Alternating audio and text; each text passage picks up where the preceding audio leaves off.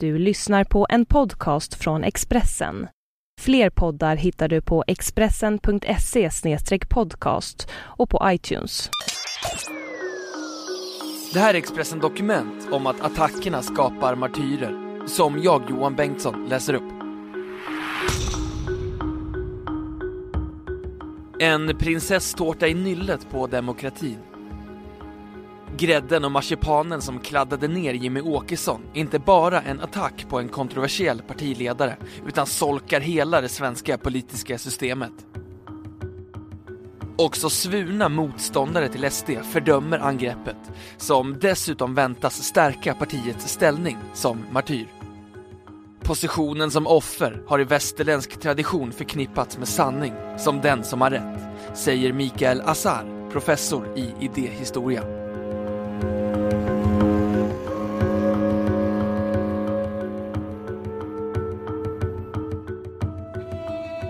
Martyrskap har i alla tider varit en effektiv metod för att väcka sympati och få gehör för åsikter. Den grekiske filosofen Sokrates tvingades tömma en giftbägare. Jesus korsfästes och för båda innebar martyrdöden en rivstart för deras postuma karriärer som sanningssägare och föregångsmän. Utan alla jämförelser i övrigt väntas tårtningen av Jimmy Åkesson enligt flera bedömare få liknande effekter. Anna-Lena Lodenius, journalist och författare, har i många år studerat och skrivit om högerextrema rörelser i Sverige och övriga Europa. Hon har också skrivit om våldstendenser hos den extrema vänstern. Det finns ingen som helst anledning att attackera SD på det här sättet. Politiska partier som verkar inom det parlamentiska systemet ska inte behöva vara med om sådana attacker, säger Anna-Lena Lodenius. Högerpopulistiska partier som SD bygger upp en bild av sig själva som folkets röst, som förtrycks av eliten och etablissemanget. När de utsätts för hot och trakasserier bekräftar det bilden som de själva vill ge. Det faller tillbaka på angriparen. Det förstärker andra människors bild av att SD är ett utsatt parti. SD får sympatier, inte angriparna, säger hon.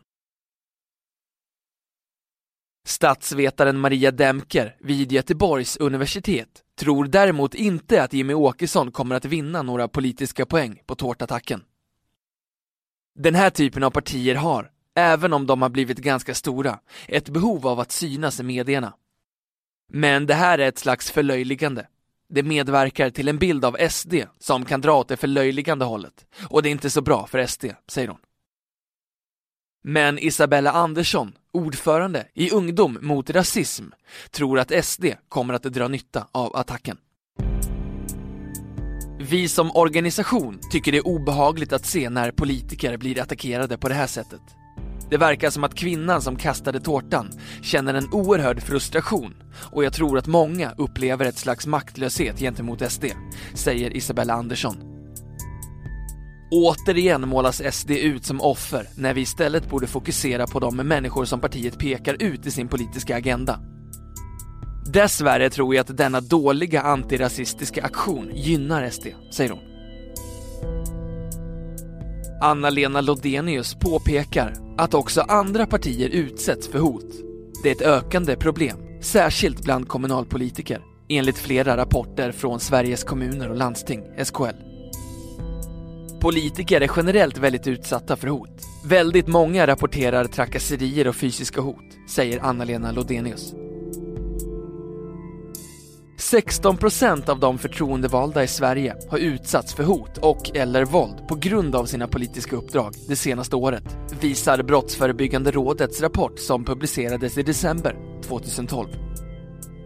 Många av dem hade fått upprepade hot. I Piteå kommun ökade man tidigare i år säkerheten på polisens inrådan på grund av hot mot politiker och anställda. I april i år misshandlades ett kommunalråd i Jönköping. Därför kräver SKL en lagstiftning om hot mot demokratin. Mikael Azar, professor i idéhistoria vid Göteborgs universitet, ägnade sin senaste bok åt just martyrer. I Den ädla döden Blodets politik och martyrens minne beskriver han hur martyrskapet har utvecklats genom historien. Verkligt eller inbillat martyrskap är ett effektivt politiskt redskap, säger han. Det tydligaste exemplet i modern tid och bland högerrörelser är Horst Wessel. Det var en ung nazist som dödades och som nazisterna samlades kring och gjorde till en stor martyr. Horst Wessel-sången blev ett slags tysk nationalsång, säger Mikael Azar. Positionen som offer har i västerländsk tradition förknippats med sanning, som den som har rätt och går emot makten, till exempel Sokrates och Jesus. Idag behöver det inte vara så storslaget som döden. Också en tårta kan framställas som martyrskap. Partier som SD utmålar sig som offer för censur och förtryck, som att de sitter inne med sanningen som etablissemanget förnekar, säger han. Mikael Azar påpekar att också vänstergrupper använder martyrer. I länder som Kuba, Vietnam och Algeriet har nationalistiska vänsterrörelser haft martyrer. Också den extrema vänstern i Tyskland har lyft fram en demonstrant som dödats av polisen som martyr. SD har haft en tendens att lyfta fram de som tystas, som dödas symboliskt i den politiska debatten. De använder martyrbegreppet i överförd bemärkelse också för de som inte dödas, säger Mikael Azar. Genom att utmåla sig själva som martyrer ställer de sig på sanningens plats, säger han. SDs partiledare Jimmy Åkesson gav sig rakt in i lejongropen när han ställde till med boksignering på Nytorget på Södermalm i Stockholm. En stadsdel där sympatierna för SD är minimala. Jag tycker att det är en spännande plats eftersom just Nytorget är en symbol för allt det vi inte står för. Vi har sagt att på den här bokturnén ska vi åka på sådana intressanta platser. GKs i Ullared är en motpol. Jag berör det i min bok, alltså synen på mig själv som vanlig, säger Jimmy Åkesson. SD-ledaren hade sålt och signerat 100 böcker innan Irene, 60, gick till attack. Hon köade och låtsades vilja få en bok signerad. Under sin svarta kappa hade hon gömt en prinsesstårta med orden White Lady på. Jag avskyr rasister och han är en symbol för rasism, nazism och neofascism.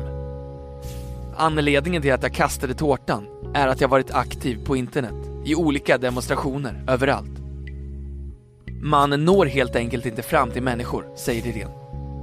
Minuterna före var jag väldigt fokuserad, avstängd från att jag åkte hemifrån till sista minuterna. Jag talade om för honom att jag tyckte att han var en fascist och sen placerade jag tårtan i ansiktet på honom, säger hon. Ärendet utreds av Säpo och polisen kommer även att anmäla demonstrationen som genomfördes utan att ha tillstånd. Det är obehagligt, men det är inte första gången den här typen av händelser händer, säger Jimmy Åkesson. Jag hade kanske förväntat mig ett möte med en del hipsters och lattemammor, men inte de här fågelskrämmorna som skränade och skrek. Det var ett jättetrevligt möte tills det här hände. Att få en tårta i ansiktet låter kanske inte så farligt. Det är säkert många som skrattar åt det och tycker att det är lite skoj. Syftet var väl att förnedra mig på något sätt, säger han. Men alla såna här saker får ju effekten att jag funderar på hur jag arbetar och på skyddet runt mig och andra folkvalda funderar på hur de ska arbeta i framtiden. Resultatet blir nog tyvärr att man kanske tar ett steg tillbaka, medvetet eller omedvetet, säger han. Statsvetaren Marie Demker tror att Jimmy Åkesson visste att det kunde bli bråk när han valde att signera böcker på just Nytorget. Det är klart att man är medveten att man kommer få protester. Det är även något man räknar med på gott och ont. Men jag tror absolut inte att man hade kalkylerat med något sånt här, säger hon. SD stod redo med kameror och filmade hela incidenten. På samma sätt sökte sig SD-representanter förra året till Pridefestivalen, en annan plats där deras starkaste motståndare finns och där de vet att de inte är välkomna. Också där utsattes de för ett övergrepp genom att bli utkastade av sex ordningsvakter. Och också den gången filmade de hela händelsen och skickade snabbt ut ett pressmeddelande. Dramat på Södermalm fick omedelbar publicitetseffekt för SD. Inte mindre än 16 reportrar och 12 fotografer kom till SDs pressträff i riksdagen igår som skulle handla om partiets förslag på fem olika politiska områden, men som kom att domineras av tårtningen. Socialdemokraternas tidigare partiledare Mona Sahlin fördömer attacken mot Jimmie Åkesson. Mona Salin säger att hon kände ett intensivt obehag när hon såg bilderna på Jimmie Åkesson efter attacken. Jag såg rädslan och förnedringen i hans ansikte. Han satt där och fick plötsligt något i ansiktet. Han hade först ingen aning om vad det var. Jag minns när Bosse Ringholm och Leif Pagrodsky blev utsatta för samma sak, säger hon. Det finns en förnedring och rädsla som många fnissar åt för att det är en tårta, men samtidigt vet vi att många politiker i vårt land av olika skäl börjar känna sig allt mer rädda. De blir fega och vågar inte alltid säga vad de tycker. Stefan Löfven, partiledare i Socialdemokraterna, meddelar via sin pressekreterare att han tycker att det är helt förkastligt att angripa politiker handgripligen. Man får argumentera mot sånt man inte gillar, men man får aldrig ta till handgripligheter. Det är helt oacceptabelt, säger han. Peter Jonsson, säkerhetsexpert och tidigare Säpo-anställd, understryker att SD är det mest hotade partiet i Sverige idag. Sverigedemokraterna är måltavla för i princip halva Sveriges befolkning som inte håller med deras åsikter. Det finns de som förknippar SD med ultrahögern och därför har partiet också den högsta hotbilden av alla partier, säger han. Peter Jonsson säger att Jimmy Åkesson har starkast personligt skydd i landet tillsammans med statsminister Fredrik Reinfeldt. Jag tror aldrig att ett annat parti har haft en lika stark hotbild från inhemska intressen som SD har idag. Socialdemokraterna hade en stor hotbild under 70 och 80-talen, men det var främst från utländska intressen, säger Peter Jonsson, som tror att Säpo kommer att satsa mer på att skydda också kommunalpolitiker. Alla SD-ledamöter i riksdagen fick efter förra valet varsitt personlarm. Flera ledande SD-are vittnar om att de utsatts för hot och trakasserier. Therese Borg, ledamot i SDs partistyrelse, säger jag har haft upprepade inslag av skadegörelse. Klotter på dörren, på husfasaden och krossade rutor. Brev som jag uppfattat som hotfulla. Det har varit mycket hot och trakasserier på internet, säger hon. Hon är tudelad inför hoten. En del av mig blir mest mer målmedveten. Samtidigt fanns aspekten att man är orolig för sin egen säkerhet, inte minst att jag är mamma. Jag märkte att min dotter blev berörd av det här. Det var nog det absolut värsta av allt. Det var jättetungt, säger hon. Också Hanna Wig, ordförande i SD Skaraborg, har drabbats hårt, även om hoten har avtagit under senare tid. Vid valet 2010 fanns en otrolig hotbild mot oss. Då höll vi hemliga möten och jag hade svårt att vara ensam hemma. 2012 blev jag attackerad av ett vasst föremål mot huvudet av en fortfarande oidentifierad gärningsman under ett torgmöte i Falköping, säger hon. I år har jag inte fått ett enda mordhot. Tidigare var det ett par i veckan. Det är hemskt att få telefonsamtal från främmande människor som vill skära halsen av mig. Men flera påstådda attacker mot SDR betraktas med misstro av polisen. I augusti 2007 bakbands en 19-årig kvinna i Stockholm, då sambo med sverigedemokraten Martin Kinnunen, som var ordförande i partiets ungdomsförbund. Hon uppgavs ha hotats av tre män med kniv. Martin Kinnunen, idag pressekreterare hos SD, sa att han var övertygad om att överfallet var riktat mot honom. Men åklagaren valde att lägga ner förundersökningen om överfallet. Trots omfattande utredningar hade polisen inte kunnat säkra några bevis som ledde till några misstänkta gärningsmän. På tejpremsan, som kvinnan var bakbunden med, hittades bara fingeravtryck från målsäganden själv. I september 2010 larmades Malmöpolisen av Sverigedemokraten David von Arnold Antoni som berättade att två män övermannat honom i hans lägenhet. Han påstod sig ha blivit misshandlad och fått ett hakkors inskuret i pannan. En stor polisinsats drogs igång, men gärningsmännen hittades inte. Rättsläkaren som undersökte offret trodde inte på hans berättelse.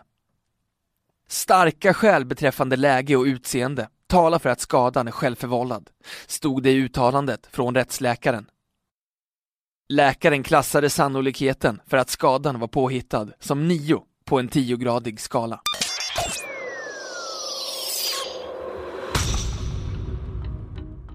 Du har lyssnat på en podcast från Expressen. Ansvarig utgivare är Thomas Mattsson. Fler poddar finns på Expressen.se och på iTunes.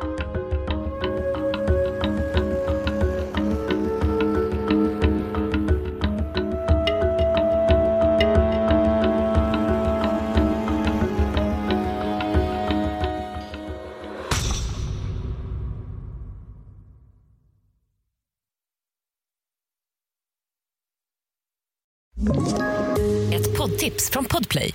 I podden Något Kaiko garanterar östgötarna Brutti och jag, Davva, dig en stor dos skratt. Där följer jag pladask för köttätandet igen. Man är lite som en jävla vampyr. Man har fått lite blodsmak och då måste man ha mer. Udda spaningar, fängslande anekdoter och en och annan arg rant. Jag måste ha mitt kaffe på morgonen för annars är jag ingen trevlig människa. Då är du ingen trevlig människa, punkt. Något Kaiko, hör du på Podplay. Därför är gardinerna.